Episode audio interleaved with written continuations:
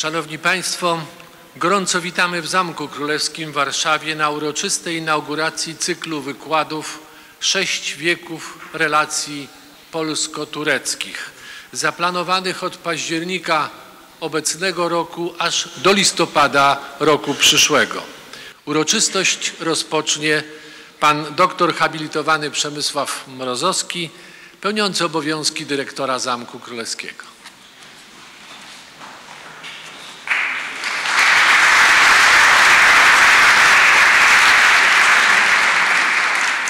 Dobry wieczór Państwu. Ja również witam bardzo, bardzo serdecznie na dzisiejszej inauguracji cyklu wykładów, które mają nam przybliżyć sześć wieków relacji polsko-tureckich.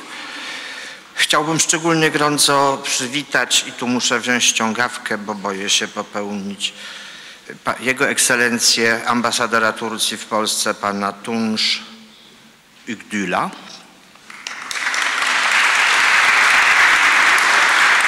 Szczególnie gorąco witam dzisiejszego prelegenta, profesora Ilber Ortajli. Monsieur professeur, c'est pour nous grand honneur. To wielki zaszczyt, panie profesorze, dla nas y, mieć pana, gościć pana w, szator, w, w Zamku Królewskim w Warszawie. Dr Öztürk Ermigolu, dyrektor Instytutu Tureckiego. Witam wszystkich Państwa bardzo, bardzo serdecznie. Jestem głęboko przekonany, że te spotkania przybliżą nam i tak dość dobrze znane i bliskie nam relacje. Nie ma co ukrywać, do końca wieku XVII nasze relacje wcale nie były przyjazne, ale też nie mogły być wtedy inne. Natomiast rozstaliśmy się na początku wieku XVIII jak mężowie rycerscy, którzy wprawdzie ze sobą walczyli, ale z pewnym honorem. I od tego czasu Turcja została dobrze w pamięci Polaków. Mamy nadzieję, że Polacy zostali dobrze w pamięci Turków. To wszystko przed nami. Zobaczymy za rok, jak to wygląda w perspektywie relacji naukowych, badań naukowych, refleksji ludzi, którzy zajmują się historią, ale nie tylko historią, także polityką. Natomiast obraz taki potoczny, chyba czasami ważniejszy od tego, co mogą wy, wymyśleć naukowcy, naszych wzajemnych relacji jest bardzo pozytywny i warto ten obraz ugruntować także w tym cyklu naszych spotkań. Bardzo się cieszę, że Państwo tak licznie jesteście dzisiaj z nami. To wróży tym spotkaniom no, wielki, wielki sukces chyba nas czeka. Dziękuję bardzo.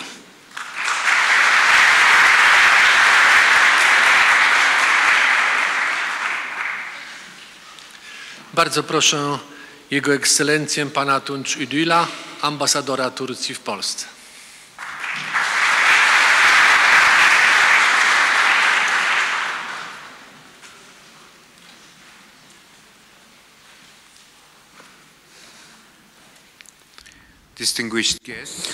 Szanowni goście, pani profesorze, tali drodzy koledzy, koleżanki, pani panowie.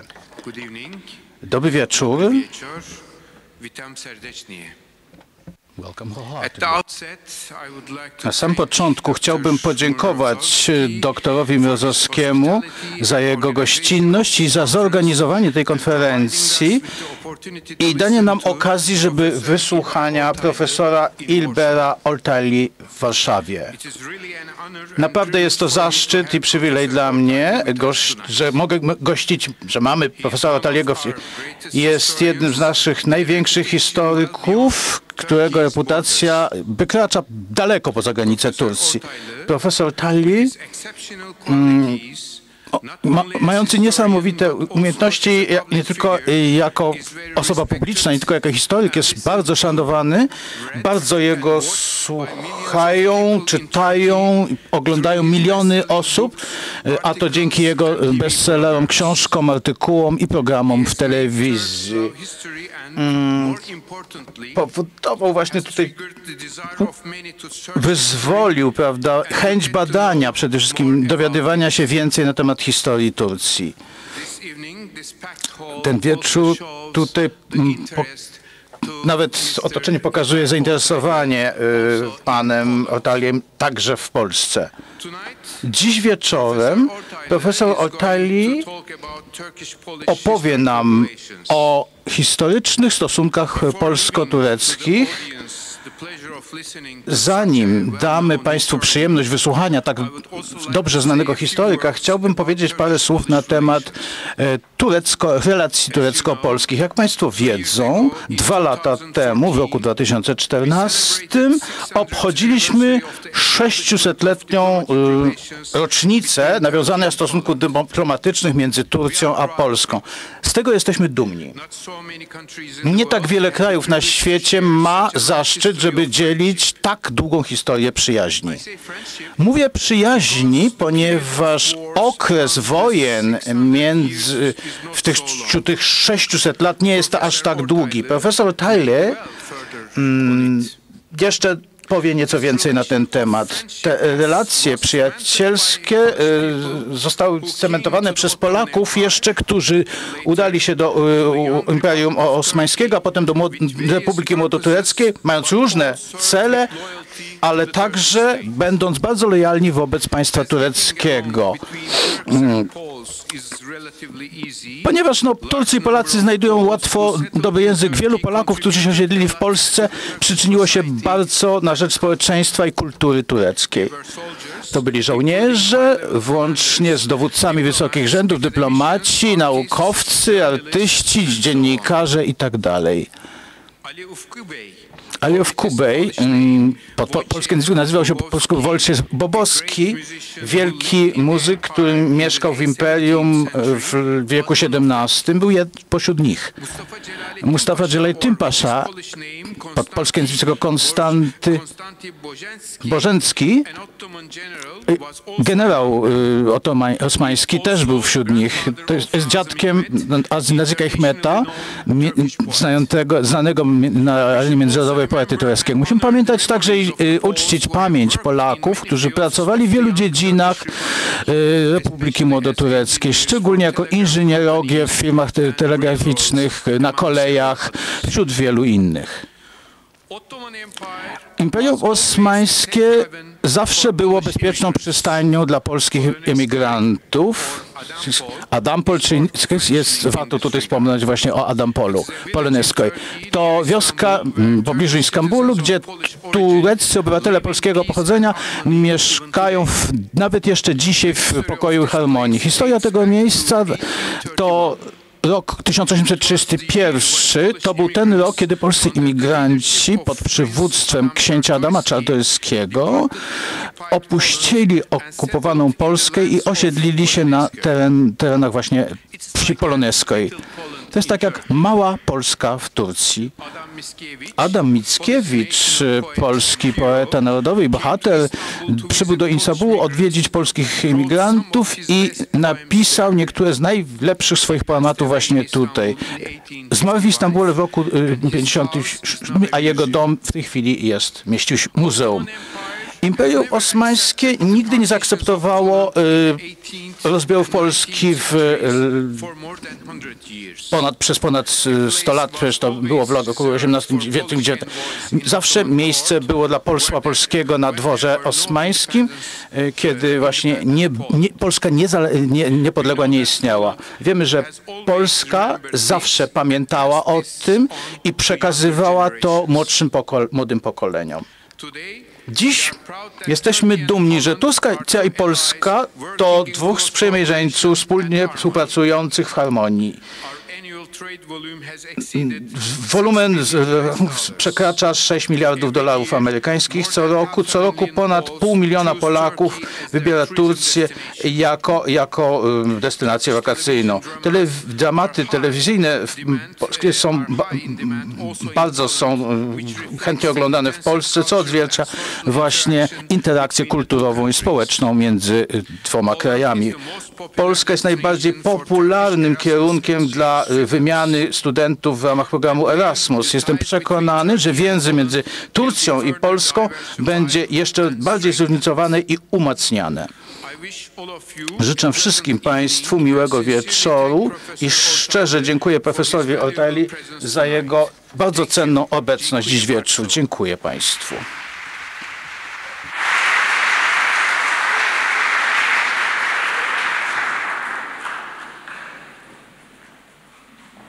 Szanowni Państwo, mam jeszcze ogromną przyjemność przedstawić osobę pana profesora.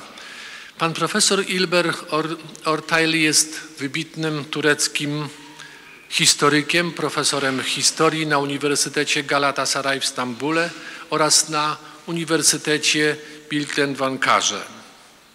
W latach 2005-2012 pełnił funkcję prezesa Muzeum Pałacu Topkapi. Pan profesor jest absolwentem Uniwersytetu Ankarskiego, a studia podyplomowe kontynuował na uniwersytetach w Chicago i Wiedniu. Pracę doktorską na temat administracja samorządowa w okresie Tanzimatu obronił w roku 1978 na Wydziale Sztuk Politycznych Uniwersytetu Ankarskiego. W roku 1981 została wydana jego książka dotycząca wpływów niemieckich w schyłkowym okresie Imperium Osmańskiego. Od roku 1982 profesor pracował jako wykładowca w kilku uniwersyteckich, uniwersytetach europejskich, a w roku 1989 powrócił na Uniwersytet w Ankarze, gdzie został profesorem historii, kierownikiem działu historii administracji. Profesor Ilber Ortayli jest autorem wielu prac z historii administracji publicznej, historii dyplomacji dotyczących kultury osmańskiej i rosyjskiej. Jest laureatem Fundacji Aydin Dawn, członkiem Fundacji Studiów Międzynarodowych, Europejsko-Irańskiej Fundacji Rozpatrującej oraz członkiem Austriacko-Tureckiej Akademii Nauk. W roku 2011 pan profesor Ilber Ortayli otrzymał honorowe członkostwo Macedońskiej Akademii Nauk. Panie profesorze Luften Bujrunus.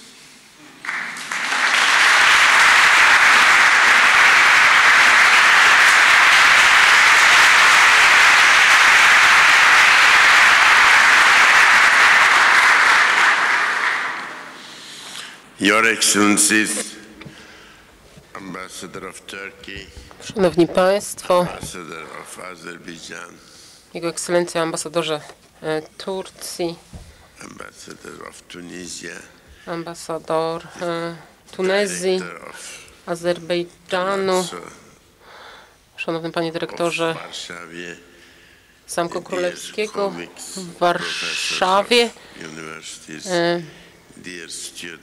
profesorowie, drodzy studenci.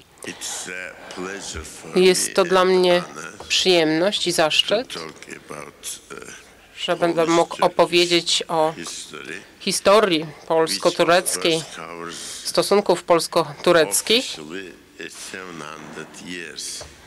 która oficjalnie e, trwa od 600 lat, ale tak naprawdę od ponad 800 lat, ponieważ obecnie Poland are only two who had a continuous presence nasze kraje in the to jedyne dwa kraje, które są obecne stale. Polska właśnie jest jednym z tych krajów, które, która stale jest obecna e, w Turcji. Wszystkie inne państwa, które miały swoją reprezentację, swoje przedstawicielstwa w Turcji, znikły. Inny, inne takie jak znamy, Francja, Anglia, Austria, i Rosja, to są nasi młodsi partnerzy dyplomatyczni. Zatem Polska posiada pewne tradycje. I nie chodzi tutaj tylko o historię dyplomatyczną obu krajów. Jest tutaj jeszcze więcej. Są też e, pewne fakty legendarne i spuścizna tych dwóch krajów.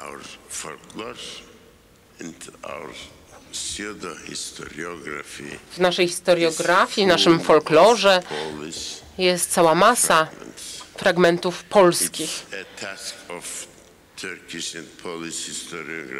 Zadaniem polskiej i tureckiej historiografii jest y, wypełnienie właśnie tych y, miejsc, tych, tych faktów legendarnych, tych mo motywów różnych z naszej e, historii i historiografii. Na 150 pewno years ago, Cevdet Pasha, to the 50 famous lat historian temu of 19th century, Cevdet Pasha, słynny historyk XIX wieku i tak zwane ostatnie słońce naszej historiograficznej szkoły zaprezentował nową interpretację opierającą się na klasycznym dziedzictwie Imperium Osmańskiego. To jest historia polsko-turecka. i są tu słynne takie fragmenty. Jest faktem, że po zajęciu Wiednia Polska stała się, oblężeniu Wiednia stała się e, samotnym królestwem we wschodniej części Europy i po tym zadaniem Imperium Tureckiego było stworzenie sojuszu z Polską, z Rosją i z Austrią. I y, przeciwko Rosji i Austrii. I taka jest historia tego wieku. Co więcej, historyk ten obarcza winą system magnacki w Polsce, który był winny, e, winny właśnie tych bolączek Rzeczpospolitej. Ponieważ istniały te wielkie cesarstwa, wielkie imperia. And the second one is the empire of the steppes, Czyli tutaj z, z jednej strony mamy Rzeczpospolitą, z drugiej strony te wielkie imperia, wielkie cesarstwa, te dwie republi- republiki tak naprawdę, to były osobne organy, osobne systemy. Jest to dość interesujące dla nas, chociaż nie jest to zbyt dobrze znane. Jest to też dość logiczne lub też powinno być dla nas logiczne, jednakże nadal nie rozumiemy struktur tych republik, A powinniśmy. Polska Rzeczpospolita,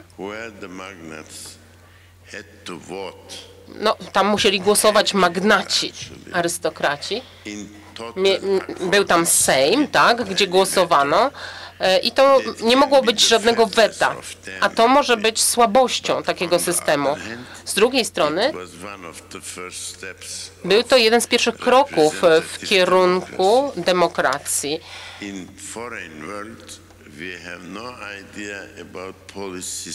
no. Zagranica nie miała zielonego pojęcia na temat polskiego systemu. Kiedy powstał czas, nastąpił czas e, na, na,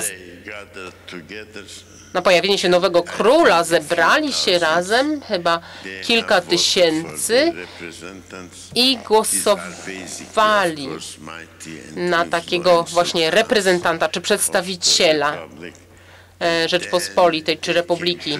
I następnie e, właśnie razem pojawili się w Sejmie. Także mamy dość interesujące e, e, kwestie związane z historią, chociażby Krymu. E, Tatarzy krymscy na przykład po wewnętrznych konfliktach i po wojnie opuścili kraj i właśnie znaleźli azyl na Litwie, w Polsce.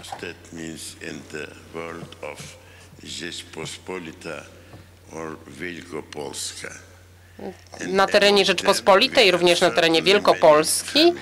i jest tam wiele rodzin, wiele dynastii, które zostały tutaj i współtworzyły ten kraj. W tym katolickim kraju. W elitach po raz pierwszy pojawiła się arystokracja tatarska pochodzenia muzułmańskiego. Mieli oni swoje własne przywileje. To jest właśnie częścią historii. Imperium Osmańskiego. Hanat to jest nasza wspólna historia. To miało właśnie wpływ na Rzeczpospolitą, ale przede wszystkim jako wewnętrzny par Rzeczpospolitej Republiki. Faktem także jest, że niektóre z mniejszości w tym kraju to są ci, którzy stworzyli badania turkologiczne. To jest jedyny wyjątek w tym obszarze. Wszędzie możemy mówić o uprzedzeniach przeciw istnieniu tureckiemu, obecności tureckiej i napływowi i historiografii także tureckiej. Poza Polską i tylko w Polsce możemy mówić o, o przyjaznych, ale także bardzo chłodnej historiograficznie, nau- naukowo historii, która jest zbudowana absolutnie nie tylko przez katolików Polaków, ale także przez Karaimów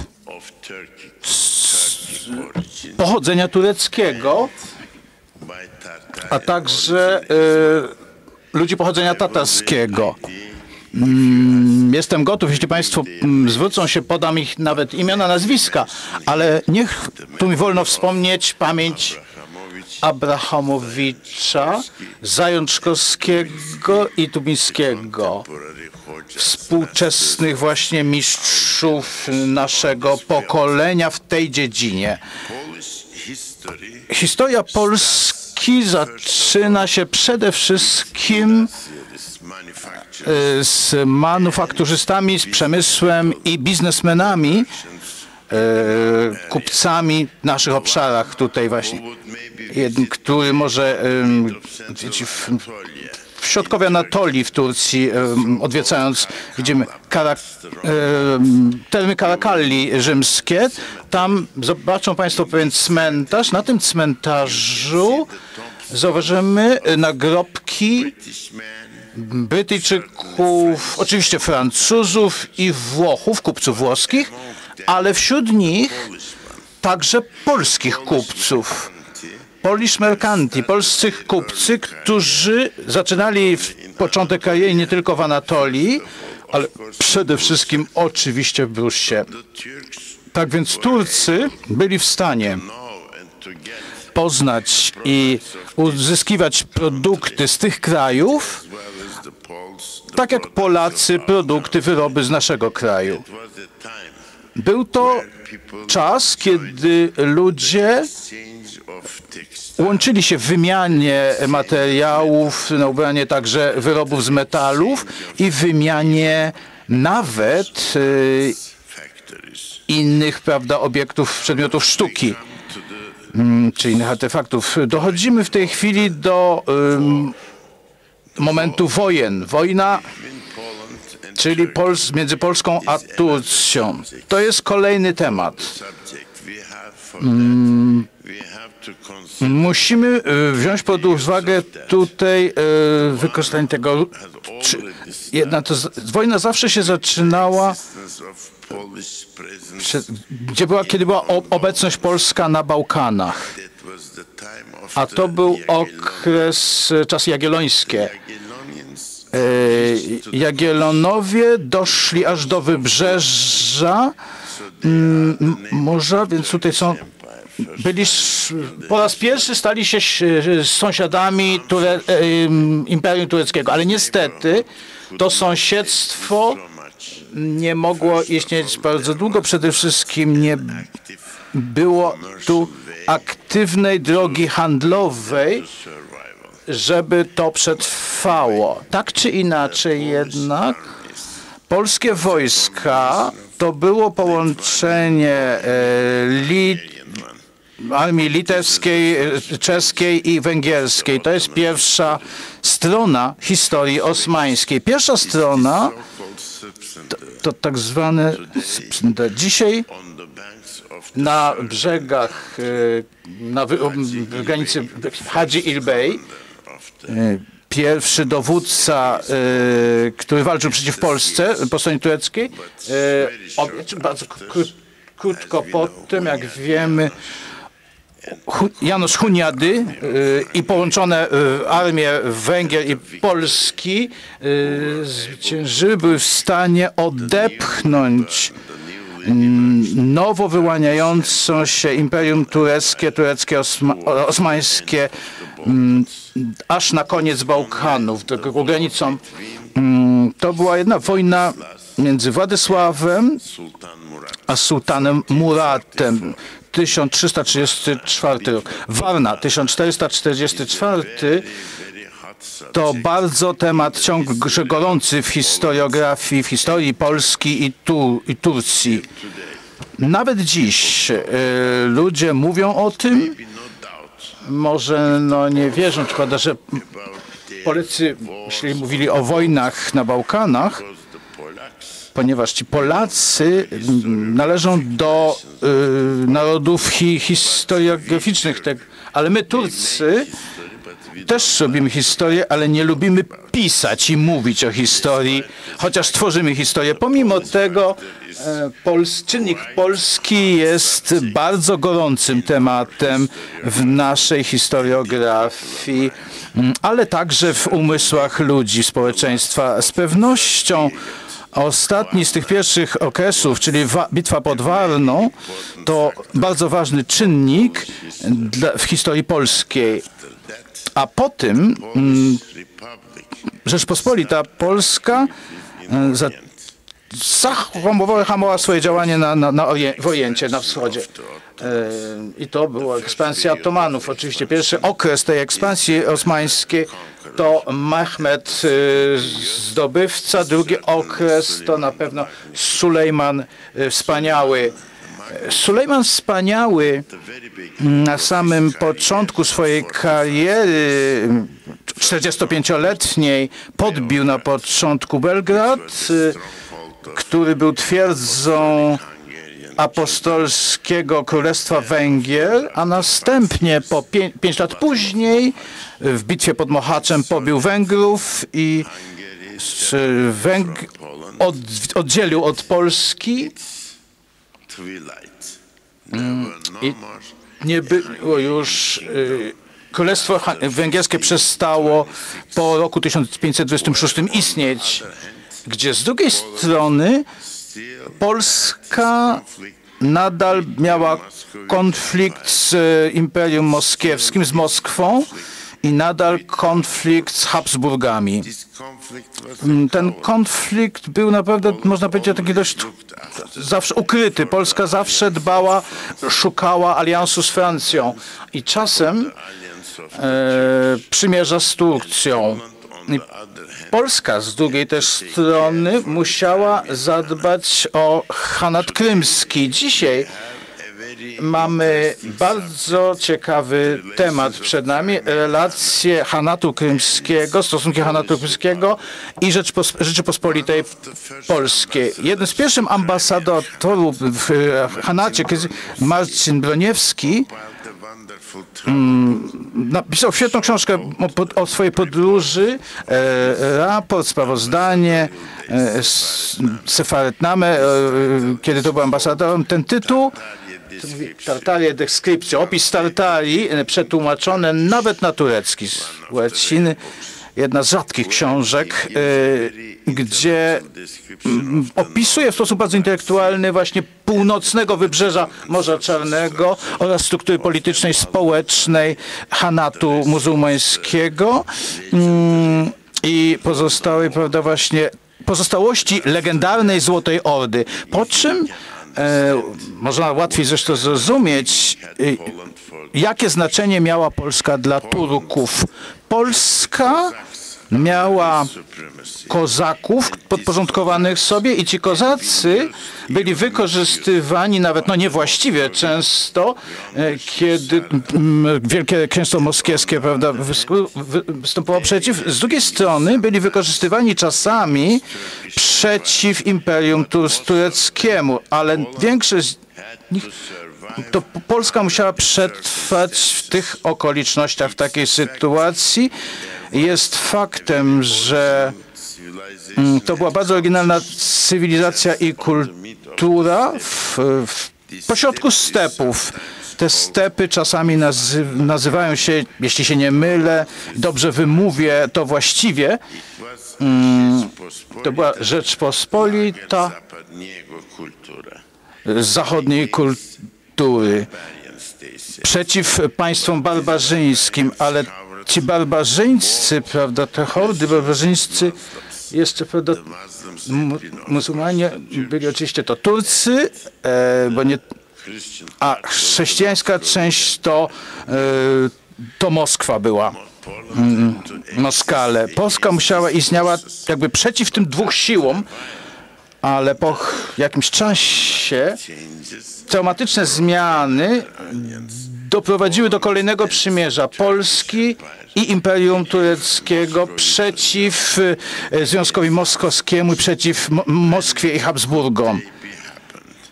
E, Kiedy to właśnie mogło... W XVII miało to miejsce w wieku. E, Drugie oblężenie Wiednia przez Turków. Tutaj bardzo był ciekawy zwrot, punkt zwrotny w historii, a mianowicie Mustafa, Pasza, famous członek e, właśnie dynastii Wielkich Wezyrów, potomek Kara Mustafy, e, był bardzo zdolnym e, mężem stanu. Potrafi, rządził fantastycznie Istambułem przy obiec, ob, e, absens, e, nieobecności be- Wielkiego Wezyra. To jego brat, syn Wielkiego Mehmeta Paszy z dynastii Köpüli. Kefil Ahmed Pasza. interesting To interesująca postać XVII wieku. Ten portret historyczny wymaga krótkiego opisu, że po pierwsze był dobrze, dobrym naukowcem, synem Mehmet Paszy z e, Ko- e, Kopylu. Mm, Nie, nie piśmiennego, ale, ale wyjątkowo inteligentny, który e, odnowił e, imperium w XVII wieku, pomimo e, buntu e, of Anatolian peasants. Janczarów, także rewolty chłopów z Anatolii, który odbudował, przywrócił imperium, wprowadził pokój i porządek, a z pewnością, oczywiście to była dyktatura, pod dyktaturą, także e, droga na, na, na zachód była otwarta. On umarł. Syn tego niepiśmiennego, inteligentnego wezyra, to kolejny wielki wezyr, e, który właśnie był Ahmed Pasza z dynastii Kefili. Ahmed Pasza, odmiennie od ojca, był dobrze znanym naukowcem w swoich czasach. Był fenomenalnie inteligentny. Co ciekawe, Mm. trochę inny od członków prawda, klasy ulema w tej chwili mm, tych wie- wielkich wezyrów, trochę się od, odbijał od nich. No, no nie był alkoholikiem, ale lubił troszeczkę nadużywać. No, czy, no lubił codziennie sobie wypić. at 41. Umarł w wieku 41 lat yy, i w tym króciutkim życiu był w stanie yy, wprowadzić do traktat chocimski, słynny traktat chocimski.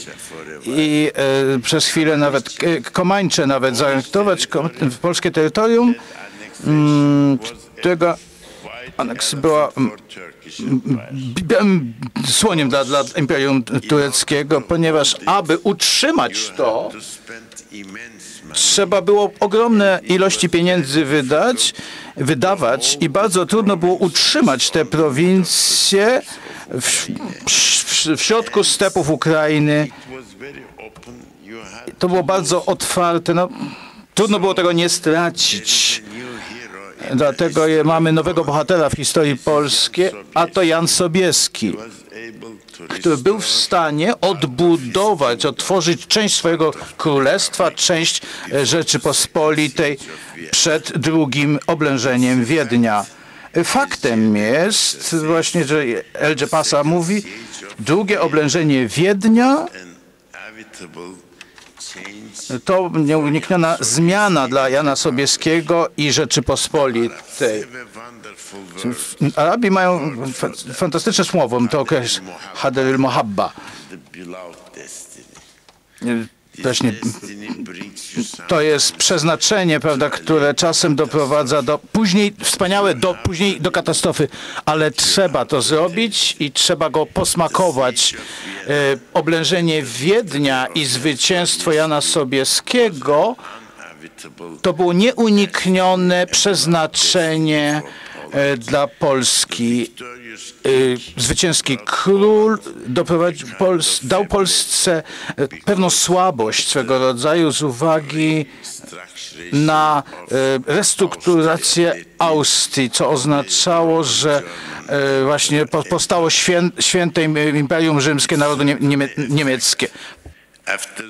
To na pewno jest faktem, że po oblężeniu Wiednia w XVIII wieku Austria, zwłaszcza ta część e, imperium, cesarstwa, e, rozpoczęła ekspansję nad terytoriami. Po pierwsze poprzez e, działalność komercyjną, handlową i tworzenie również e, przemysłu.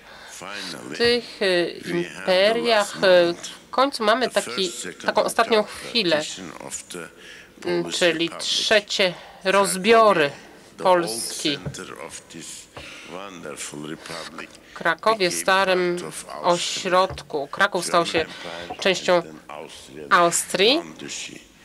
Także wszystko zostało podzielone, nastąpiły rozbiory i widzimy, że Polacy, których postrzegamy jako dyplomatów, generałów, kupców, e, oni pojawili się w wszystkich zakątkach e, Imperium Tureckiego. had a kind of renaissance I trzeba e, powiedzieć, że nastąpił renesans kultury polskiej w tych e, czasach, czyli te ciemne, mroczne, mroczna epoka dla Rzeczpospolitej, dla Polski e, spowodowała rozkwit kultury polskiej u nas. E, I revolt of 1830 the internal war rewolucja z 1830 roku była bardzo istotnym punktem. Później pojawiły się wspólne działania e, y, polsko-węgierskie przeciwko, później również włoskie przeciwko Austrii, Rosji i Prusom. Polacy wraz z Węgrami właśnie poszukiwali azylu u sułtana. In 1831 Wcześniej, w 1831 roku, Polski Komitet Wyzwolenia e, właśnie udzielono mu azylu w Istambule. I to jest taki przykład z historii Turcji. Ten komitet został uznany przez sąd osmański, przez very dwór osmański, przepraszam, e, jako właśnie misja dyplomatyczna. Podobnie At the beginning of 20th century, od, na początku XX wieku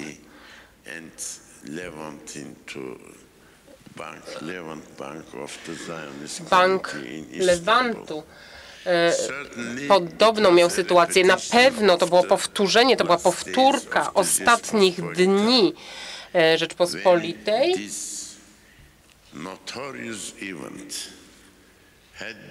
Kiedy to usłyszano właśnie o tym wydarzeniu e, w Pałacu Osmańskim, ambasador Franciszek Potocki był na miejscu i czekał na swój lettre de croyance. Jak już e, to usłyszał, nie wahał się. Odbyła się audiencja sułtana dla Franciszka 300 Potockiego. Była tam cała delegacja, kilkaset osób właśnie przekazało e, ten letter de credence sułtanowi. Ale oczywiście Musiał on opuścić Istanbul i powrócić do Krakowa. To był właśnie, to było to wydarzenie, y, kiedy zostały przekazane właśnie te listy uwierzytelniające. Ambasador Polski był w drodze i aż do początku Tanzimatira. ten protokół wymarł, zniknął po zmianie pałacu. Nie mamy żadnego dowodu na to.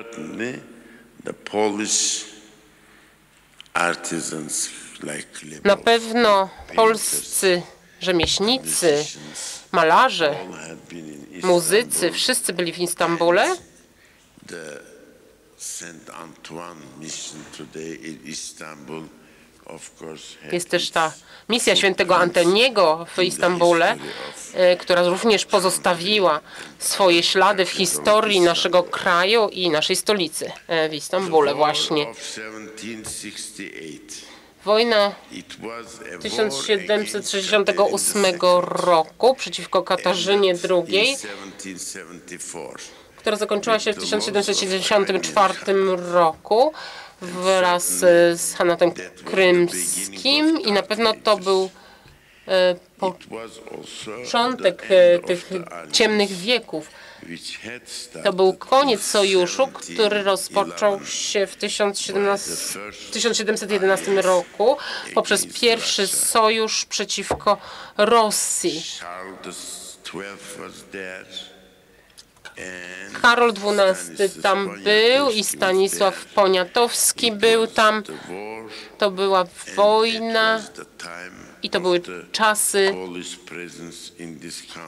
polskiej obecności w tym kraju. Na pewno były to czasy sojuszu pomiędzy Szwecją a Turcją. Nie możemy zapominać,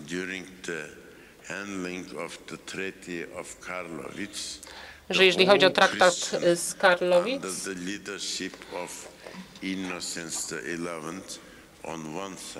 z jednej strony mieliśmy papieża Innocentego, chodzi o traktat z Karłowic, a z drugiej strony ta druga część świata, e, no właśnie to było Imperium Osmańskie i Królestwo Szwecji. Nawet irańscy szachowie mieli swoje przedstawicielstwa, swoich reprezentantów e, w, w Świętej Lidze. Wspierali Święty Sojusz the Karłowicach e, przeciw e, żądaniom. Turcji. Jest to bardzo ważne dla naszej historii. Mieliśmy też Wojciecha Rożanowskiego, generała, który e, był naturalizowany w Anglii. Był doradcą armii osmańskiej, jak również legat Russian Królestwa Prus, ambasador Rosji. powiedział, może możemy zrozumieć, że angielski generał może pomóc i doradzać armii osmańskiej, ale nie naturalizowany polski generał. To nam pokazało ten głęboki konflikt pomiędzy potencjalnie mogącą istnieć Polską i Rosją. No ale sojusz miał nastąpić. Historia rozpoczęła się w 1364 roku wojną i zakończyła się e, bardzo dziwnym, można powiedzieć, sojuszem wiele lat później. Po upadku e, imperium e, pojawiła się taka słynna legenda. Polska Rzeczpospolita odbierze, odzyska swoją niepodległość wtedy, kiedy tureckie konie wypiją wodę z Wisły. I to się stało, ponieważ e, podczas wojny w Galicji Wschodniej dywizja osmańska miała tam konie, miała kawalerię i oczywiście te konie właśnie odpoczywały na brzegach Wisły e, wraz z końmi. Także rzeczywiście to się udało, to było spełnienie tej polskiej legendy, jeśli chodzi właśnie o te relacje tureckie. I to był nowy okres. Mieliśmy znowuż Polaków e, Rzeczypospolitej. To też była bardzo tragiczna historia. Mieliśmy wspaniałych ludzi. Ja. Pamiętam jedną taką osobę, ponieważ byłem w szkole, gdy byłem uczniem, taką postać pamiętam, nie, nie, nie rozumiałem wtedy, jak bardzo ważny był to człowiek, ale moi rodzice, e, moja matka właśnie studiowała na uniwersytecie w Ankarze i ambasador Sachanicki to był jej kolega. Over 13 days. Over 13 days of heroic defense To było Poland 13 dni heroicznej obrony Polski. Stracił możliwość powrotu do kraju. On i jego żona, hrabina, pozostali w Istambule i e, stayed there. otrzymywali tam pensję. Po pięciu latach miał nadzieję, żeby wrócić do Polski. Ale no niestety było to niemożliwe, ponieważ już pojawiła się Armia Czerwona, zatem pozostał w Turcji. Przyjaźń, której doświadczył tam, którą się cieszył i tragedia tego starego małżeństwa, które żyło nostalgią, miłością dla swojego kraju. O tym bardzo dobrze pamiętam. On był rzeczywiście ekspertem historii Rosji, stosunków politycznych, historii politycznej i był postacią. Bardzo ważną e, w kręgach, e, wysokich kręgach e, tureckich, wśród dyplomatów, żołnierzy, intelektualistów. Pośród nich bardzo interesującą postacią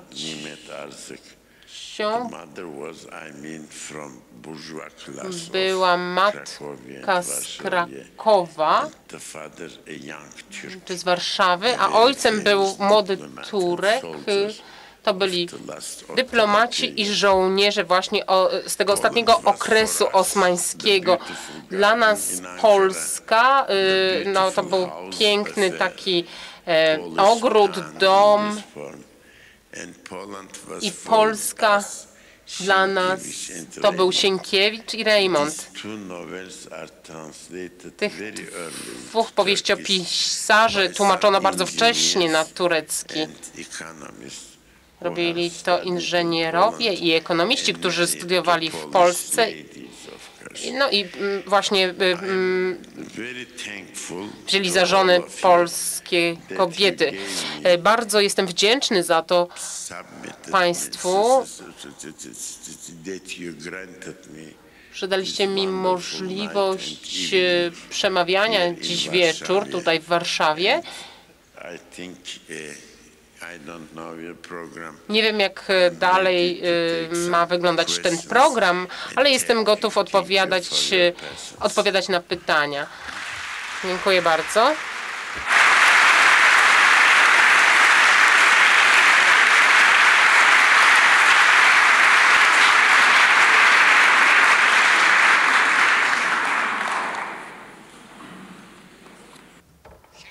Pytać, Dlaczego Turcja nie uznała y, rozbiorów, pomimo że mogła mieć żal do Polaków, że Polscy, że Polacy jednak pod Wiedniem y, przy pomocy wojsk sowieckiego rozgromili armię turecką. dlaczego jednak y, miała tą sympatię do Polski? Dziękuję bardzo.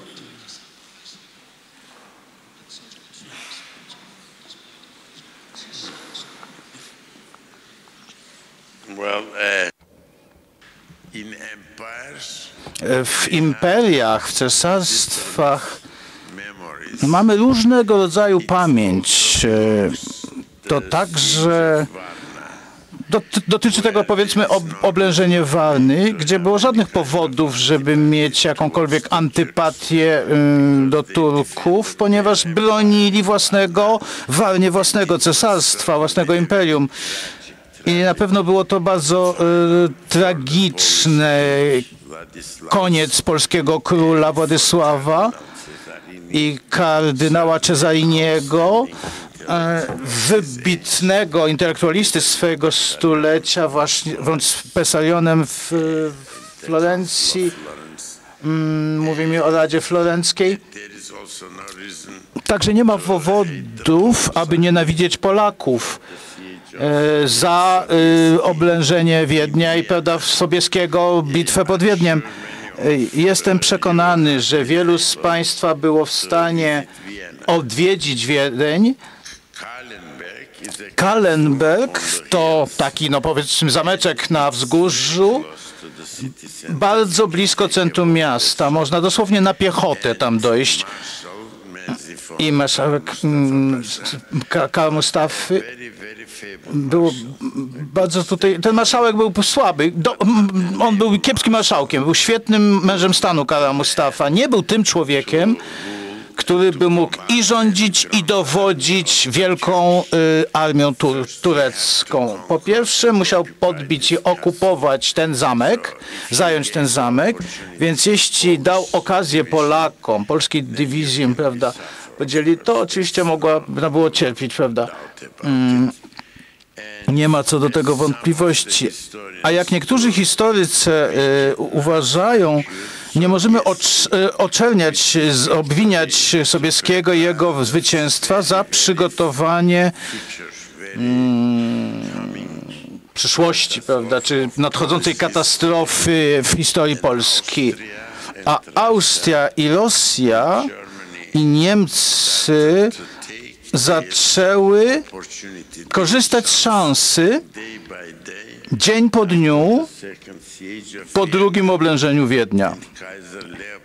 Ca- e, Leopold w ogóle nie szanował tego, po mm, wszystko side było po jego stronie jakby i stał się, on się stał bo, bohaterem tej bitwy, prawda? A tak naprawdę e, on opuścił Wiedeń przecież. Do Wiener Neustadt się udał e, do dalszych jakby e, do mm, Dolnej Austrii. Jedynym, który pozostał, to byli e, studenci, mm, klerycy, także arcybiskup Wiednia pozostał i Polacy pod Sobieskim na Kalenbergu. Ale kto o tym pamięta. Trzeba to po prostu rozwiązać, e, wy, wymazać tamtą pamięć z umysłów mas. To jest propaganda i taka jest polityka. A po of wiek później, po wieku Wigrebergen, mm, czyli o oblężeniu Rzeczpospolita znikła in the his history of z historii. Europy Wschodniej. I to jest faktem. Tak więc to jest faktem. Ja nie rozumiem, dlaczego ludzie próbują pamiętać o tym. Pol historia Polski jest pełna zwycięstw. Nie tylko chodzi tu o oblężenie Wiednia, ale jest wiele innych, ale ta jedna jest absolutnie głęboko i bardzo skoncentrowanym punktem wspólnych jakby umysłów, wspólnej pamięci dla nas. To fakt. Czy mamy jeszcze jakieś pytania, czy jeszcze inne uwagi? Przede wszystkim chciałbym podziękować za tę okazję, że mogliśmy wysłuchać Pana, szczególnie właśnie tutaj e, powiedział Pan nam szczególnie o Turcji. Moje pytanie dotyczy języka. Jest takie zdanie w polskim siadać po turecku.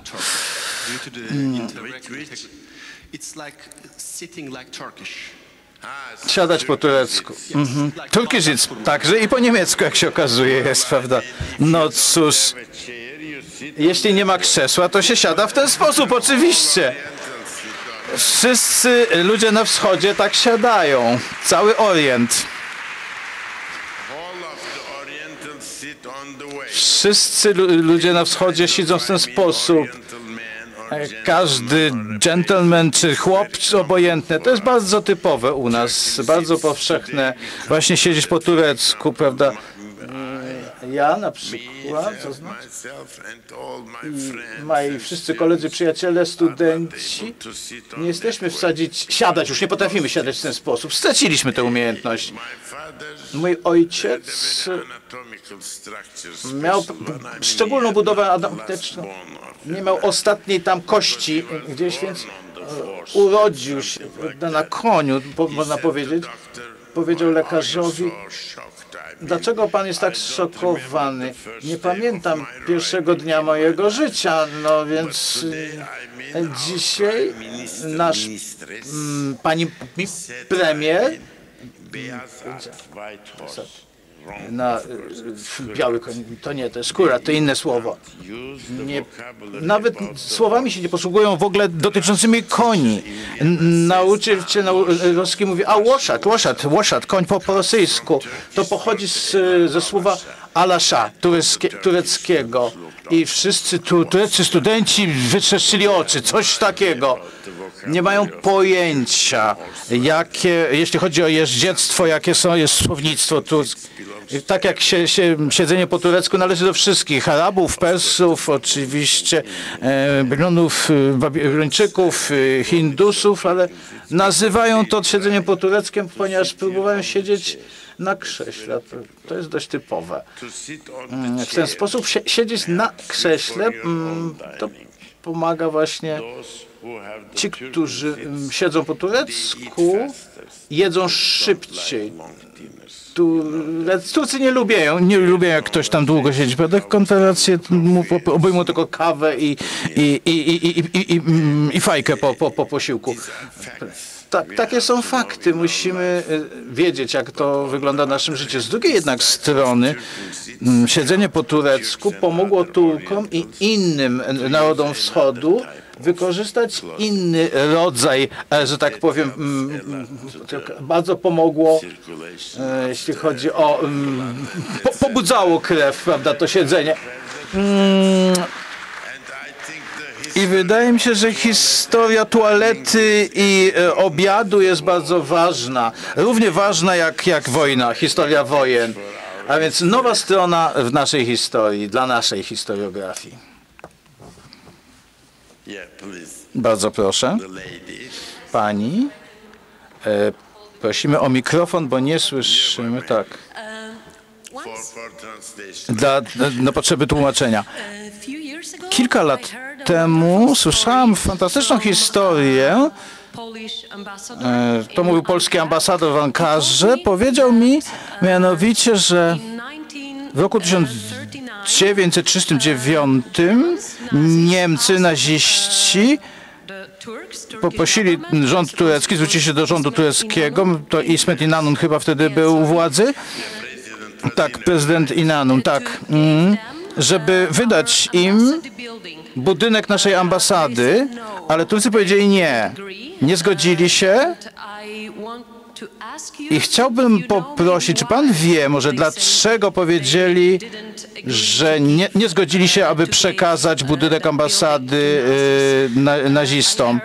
Słyszałam, że nadal jest pismo w archiwach tureckich napisane przez Ismeta Inonu, w którym napisał, że nasza przyjaźń polsko-turecka jest dłuższa niż, nie wiem jak to powiedzieć, niż okupacja niemiecka. Tak, tak, tak. I No, rzeczywiście było tak, że amba, panie ambasador, powiedziałem, Sachanicki e, wybrał, no, został azyl antypolitycznym. Naziści, na- Niemcy, powiedzmy Niemcy, nie tylko naziści, Nie jestem dyplomatą, przepraszam, proszę wybaczyć. Nie e, stosuję tego słownictwa hipo, pełnego hipokryzji. To Niemcy, no, jeśli dziś myślą w inny sposób, proszę bardzo. Ale póki co to była Rzesza Niemiecka, trzecia Niemia. E, Ci, którzy się nie zgodzą, tak jak jeden z moich przyjaciół żydowskich, powiedział, ach, Rzesza Sudecka, Niemcy Sudecki, prawda, zrobi hadn't ci, którzy nie byli wściekli na nazistów, mm, a więc inni Niemcy, prawda, i tam Dachau. to myśmy, prawda, salutowali w Dachau, prawda, jeśliśmy nie byli zadowoleni, czyli e, szło się do obozu koncentracyjnego, no taka była historia. Niemcy zwrócili się oczywiście e, o okupowaną e, ambasadę, najpierw austriacką, zajęli ten budynek, wydaje mi się stało się wtedy ha, Handelsabteilung, konsulat handlowy, następnie czeską ambasadę, to jest fantastyczna architektura w stylu Bauhaus. Papenhead. Otrzymali residence. rezydencję ambasadora, pomimo tego, że mają ogromny ogród, ale po prostu chodziło o to pretensje pewne, prawda, że mamy tutaj imperium nawet w Ankarze. I Następnie wydaje mi się po, po jakimś czasie próbowali zdobyć budynek ambasady polskiej, ale właśnie nie pamiętam, kto tam był potem. Nie, na samym początku po, mm, nie było traktatu między Niemcami a, a Polską, prawda, przecież po oku, okupacji. Ale nadeszły takie czasy, kiedy nie było Polski. Żadne z państw nie ustawało z tego, prawda, y, okupacji Polski przez Niemcy. Government, Był rząd na uchodźstwie w Londynie, others. mm, tak jak wiele innych krajów, ale taki jest los. War, A po wojnie y, wrócili, prawda, Polacy. National Bank, the reserves of the nation Rezerwy Banku Narodowego Serbii i Chorwacji zostały przewiezione do Ankary i rząd turecki trzymał je i oddał marszałkowi Tito. Tak więc to był początek bardzo dobrego okresu, ponieważ tylko wszystkie rezerwy, wszystkie walory były trzymane e, w sejfach e, w kasie Bank. Centralnego Banku Turcji. Zostały zwrócone, ale oczywiście marszałkowi Tito. To był dobry okres i tak dalej. Course, Okupacja w Polsce, oczywiście historia e, zagraniczna. Turcji jest Many niewłaściwa. people Wiele osób e, w oskarżanej, jest w oskarżanej Turcji, prawda, że byli z, z sojusznikami Niemców, a to nie jest prawda. Oczywiście wielu ludzi mówi, że e, sekretarz generalny e, Ministerstwa Spraw Zagranicznych był proniemiecki, nieprawda?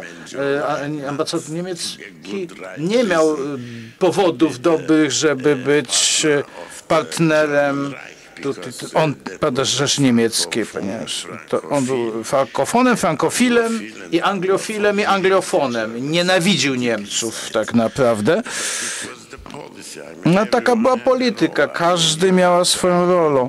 E, Trzeba odgrywać swoją rolę i musimy odgrywać taką czy inną rolę. of Jedyni e, proponenci Niemców w tym okresie to niestety pióra prasy tureckiej. Naprawdę niektóre były bardzo germanofilskie, a niektóre anglofilskie. Ale nie sam rząd. No Po pierwsze, nie było dla nas powodów, ponieważ no, Germans. nie, nienawidziliśmy tutaj Niemców, prawda? Podczas pierwszej wojny on, prawda, był antyniemiecki premier wraz e, Mustafa Kemal, z Mustafą Kemalem, pó- później zwanym Atatürkiem, e, całą grupą oficerów. Mieliśmy jedynie działalność handlową z Niemcami prowadzoną, well. także jak z Brytyjczykami czy Amerykanami. Dopiero stalinowska Rosja nakłaniała Rosję, przymuszała, żeby stanąć po jej stronie, czego oczywiście mogliśmy, a e, publika była odpowiednio rozsądna, żeby odrzucić e, żądania niemieckie. Jak wiecie, Niemcy próbowały dać woką dodekanes właśnie przekazać Republice, zanim wyszli. Nie wzięli tego. I to dobrze, ponieważ bali się być partnerami nazistowskich Niemiec. Było to dość niebezpieczne dla Turcji. Ponieważ no, Rosjanie byli niedaleko.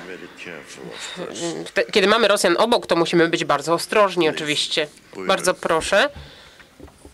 İyi akşamlar. Ee, Mehmet Ali Özçobanlar Üniversitet Warszawski, Faculty of Management, Organizational History. Chciałbym zapytać po pierwsze, jeśli chodzi o uh, relacje historyczne pomiędzy Polską i Turcją. Przemawiałem na ten temat, uh, mówiłem o II wojnie uh, światowej, o Turkey. intelektualistach, uh, którzy mieszkają w Turcji. Jeżeli chodzi o tych ludzi, niektórzy z nich E, na przykład podczas. II wojny światowej założyli taką fabrykę samolotów. years. y, Zostali w Turcji przez mniej więcej 5 actually lat. Czy mógłby pan powiedzieć troszeczkę na ten temat? Jeżeli chodzi o wsparcie ze strony Turcji, mimo że Turcja nie była zaangażowana e, w II wojnę światową, były pewne wsparcie e, dla, dla aliantów, tak? E, I drugie pytanie, bardziej współczesne. W jednym, w jednym z wywiadów z Kingiem, który pierwszego banana zjadł w, w Turcji. To był turecki banan. Teraz już tego nie mamy. American banana, which I don't Teraz mamy banany południowoamerykańskie, y, a, a wolałem tamte. No, w tym wywiadzie, kiedy była mowa o tym e, królu bułgarskim, który po kilku dekadach wrócił do Bułgarki i stał się premierem w Bułgarii, y, czy uważa pan, że w Turcji no, w przeszłości mieliśmy członków rodzin królewskich, którzy mieli miejsce w, może oni mają miejsce w, w obecnym e, systemie demokratycznym. No, obecnie tak mogą, mogą na pewno i starają się. I wydaje mi się, że y, partia była dość przyjazna i relacje były, stosunki były bardzo dobre, ale niewielu z nich było w stanie tak naprawdę wejść w tego typu działalność polityczną. Tak jak ze wszystkim, no, stare, dobre czasy e, i starzy, dobrzy ludzie zniknęli, odeszli. Na przykład e, były książę, był wspaniałym człowiekiem,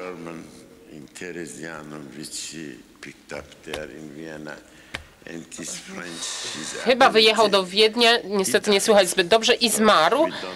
Niestety nie mamy więcej wiadomości. Druga osoba, e,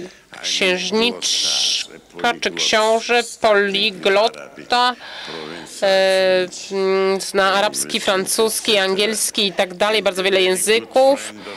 bardzo dobry przyjaciel Ottona Habsburga e, i te dwie dynastie, które walczyły ze sobą jak psy i koty, no teraz ich dzieci właśnie się przyjaźnią. Mm, To są te ci oficjalni potomkowie tych dynastii, tak? I oni się bardzo zaprzyjaźnili. To jest coś innego oczywiście. Oczywiście mogą wrócić, nie potrzebują żadnego wsparcia prawnego.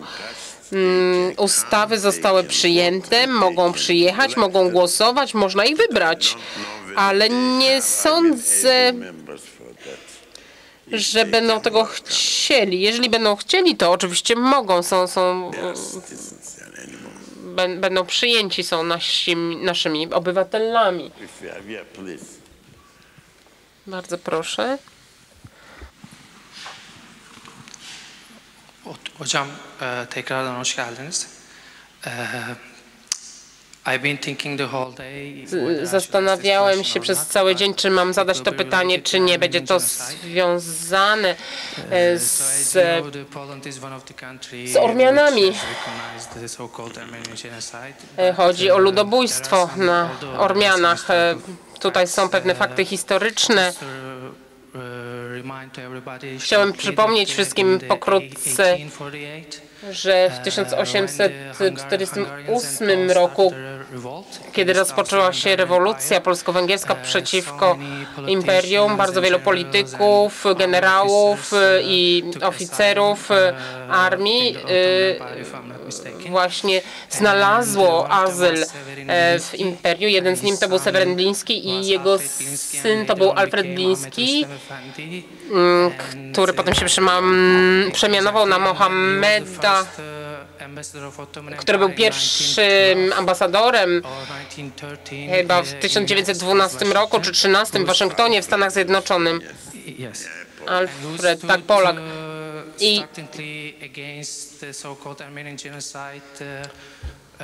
I jeżeli chodzi właśnie o to ludobójstwo właśnie na Ormianach e, i publikację właśnie tych informacji w e, amerykańskich gazetach, e, zgodnie z tymi faktami historycznymi, chciałbym zapytać, jaka jest Pana opinia Dobrze, dziękuję. Tak, mogę, mogę o tym powiedzieć. Na pewno jest taki okres y, historii polsko-tureckiej. Nie chciałem o tym mówić zbytnio ze względu na naszego ambasadora, y, który y, no, mówił już właśnie o Konstantynie Burczeńskim. E, Jest też Kosielski, jest też Czajkowski, e, różni paszowie, którzy rzeczywiście współ, stworzyli wspaniałe bataliony chrześcijan i e, muzułman raz, muzułmanów razem podczas wojen krymskich.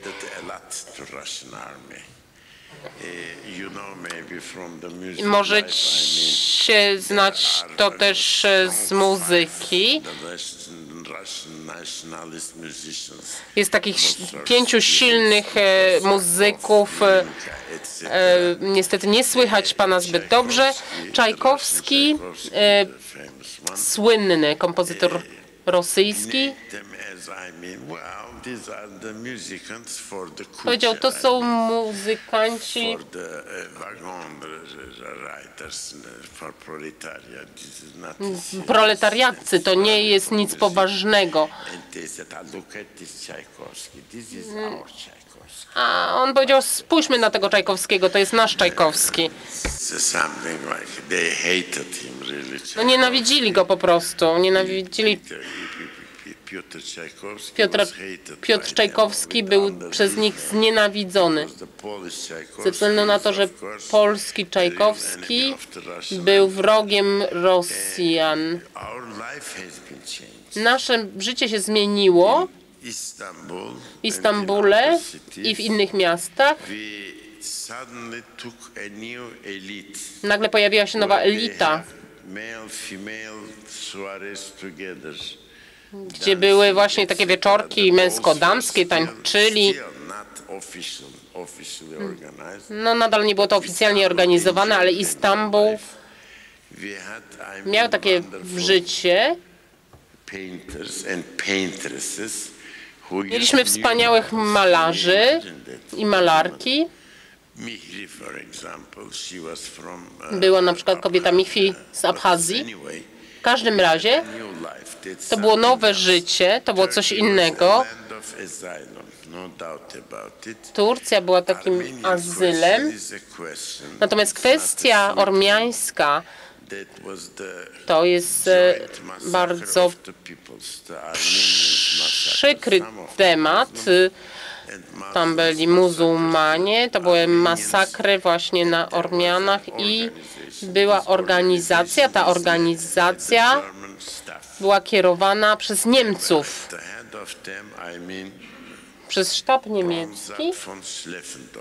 Bronstat von Schleffendorf. to był generał sztabu. Jest to faktem. Jesteśmy w stanie rozmawiać o tym, mówimy o tym, musimy o tym rozmawiać wraz, wraz z, understand ale jest to bardzo skomplikowana kwestia historyczna i historiograficzna. And Tutaj każdy parlament na świecie wstydzi się takich momentów historii, ale należy to szanować. Trzeba być dumnym na każdym etapie polskiej historii. Decyzje powinny być święte, niemalże sakramentalne.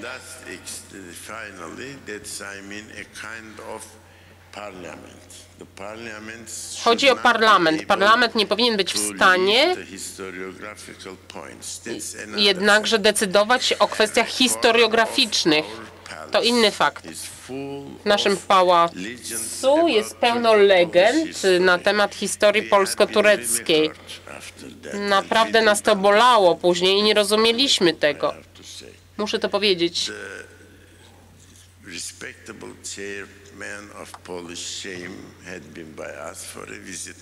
Był z wizytą u nas przedstawiciel polskiego Sejmu. I powiedział, no musimy być arbitrem pomiędzy Turkami i Ormianami. I powiedział, nie możecie być arbitrem, ponieważ nie jesteście stroną w tym. Więc nie mogę tego zrozumieć i nie wiem, dlaczego to jest konieczne, żeby to zrobić. Polska jest za daleko od Armenii i od Turcji, po pierwsze. Są fantastyczne cmentarze, na przykład w. Lwowie, który kiedyś należał do Polski. Na tym cmentarzu są też nagrobki ormiańskie, jak również tureckie. Można znaleźć artykuły na ten temat.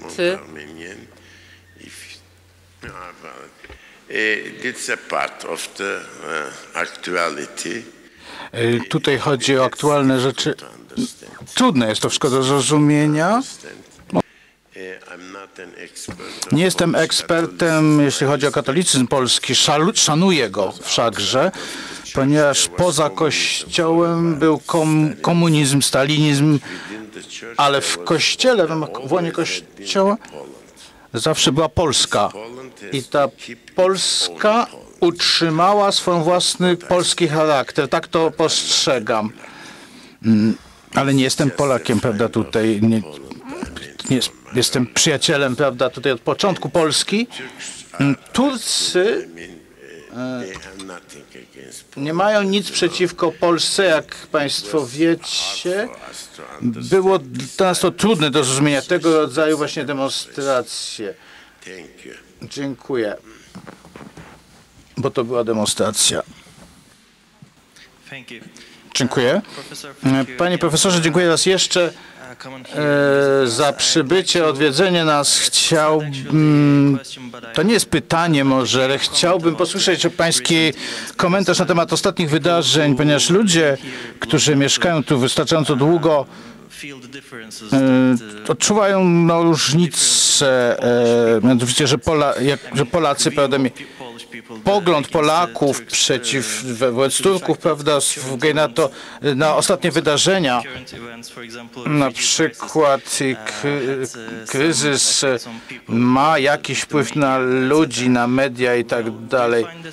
Czy y, je- jest to pewną obawą, tak jak to dla nas jest obawą, y, czy mm, była pewna sympatia przedtem, parę lat temu jeszcze mm, ku Turkom, ale to jakoś, ale to ostatnio zaczęło zanikać, podejrzewam, z uwagi na to, że właśnie kryzys y, i, media cały czas się na tym skupiają i to, że mamy taką samą religię, y, jeśli chodzi o uchodźców tutaj, prawda, kryzys uchodźców. Jak pan by to skomentował?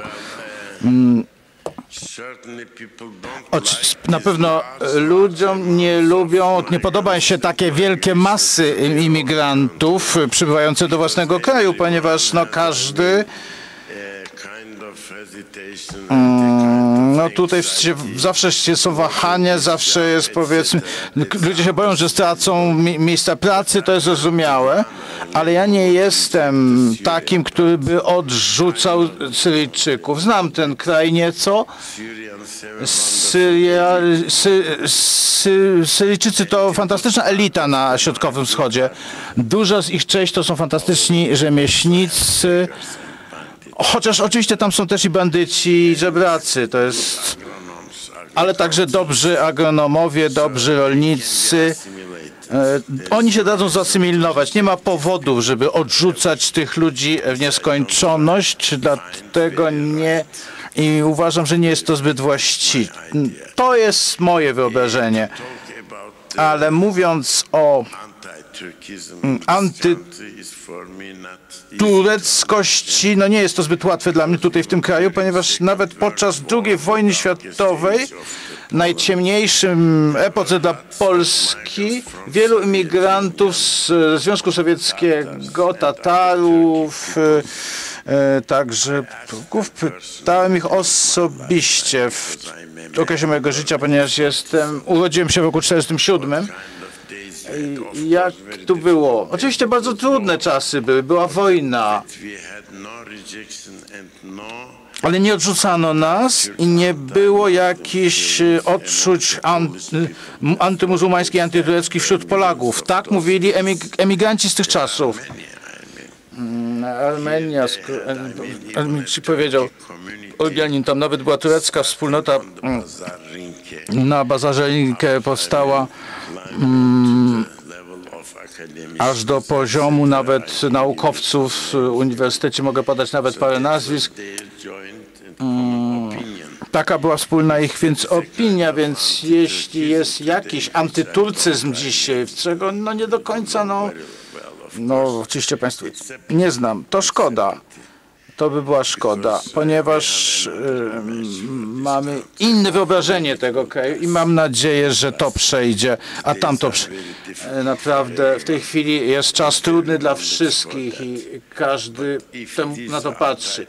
Ale jeśli ten Turcyzm to jest, wynika z propagandy niemieckiej, e, ukrytej czy też nie, to będzie to jakiś punkt do dyskusji, ponieważ e, wiem, że Niemcy mają antypropagandę w stosunku do e, Turcji. To bardzo po, poważną z różnych powodów. Jesteśmy świadomi tego jako naukowcy. Są nawet rozprawy w po niemiecku, które nic nie mają wspólnego z poważną tradycją, e, naukowej tradycji tego kraju. Podam nawet parę nazwisk. Tych, którzy tworzą, piszą fałszywą historię, e, fałszywki. Po niemiecku to jest Dichtenheim. Opowiadają. Tak, tak. E, Jest to sz- fałszywa historiografia, e, nie mająca nic wspólnego z jakością byłej e, klasycznej orientalistyki historii naukowców niemieckich mm, sprzed lat. Więc naprawdę jest tu taki podstępny atak na pewne punkty w Turcji i historii tureckiej. Na przykład ktoś wydaje książkę in der Türkei. Elmo in der Türkei. Aaron Mort is, as Aaron you Mort, heard jak Państwo może słyszeli o tym, tak zwany honor honor, poczucie honoru. Żadnej definicji geograficznej tam nie ma, ani e, czasów, kiedy takie przypadki były. A więc socjologicznie, a to jest mo- monografia socjologiczna ma być. Czy też żaden broszur propagandowy pod tytułem, które są pod tytułem prac naukowych. Mówi się o komorach gazowych w trapezundzie, przepraszam, w trapezundzie, w trapezundzie. Jeden z niedorozwiniętych regionów y, na imperium na wybrzeżach Morza Czarnego podczas pierwszej wojny, podczas pierwszej wojny. Komory gazowe, no to, to zwariacki pomysł. Ten, kto, kto o tym powiedział, prawda? Komora gazowa, co, co miała ona do czynienia z y, przemysłem czy chemią y, w czasie I wojny światowej w Turcji. of Tego rodzaju propaganda i działania finance not mm, jest finansowana na pewno nie przez instytuty naukowe, ale kogoś innego. To, I chciałbym tu stwierdzić i pozostawić to Państwa y, rozwadze. Bardzo dziękuję. I własnym badaniom. Dziękuję bardzo.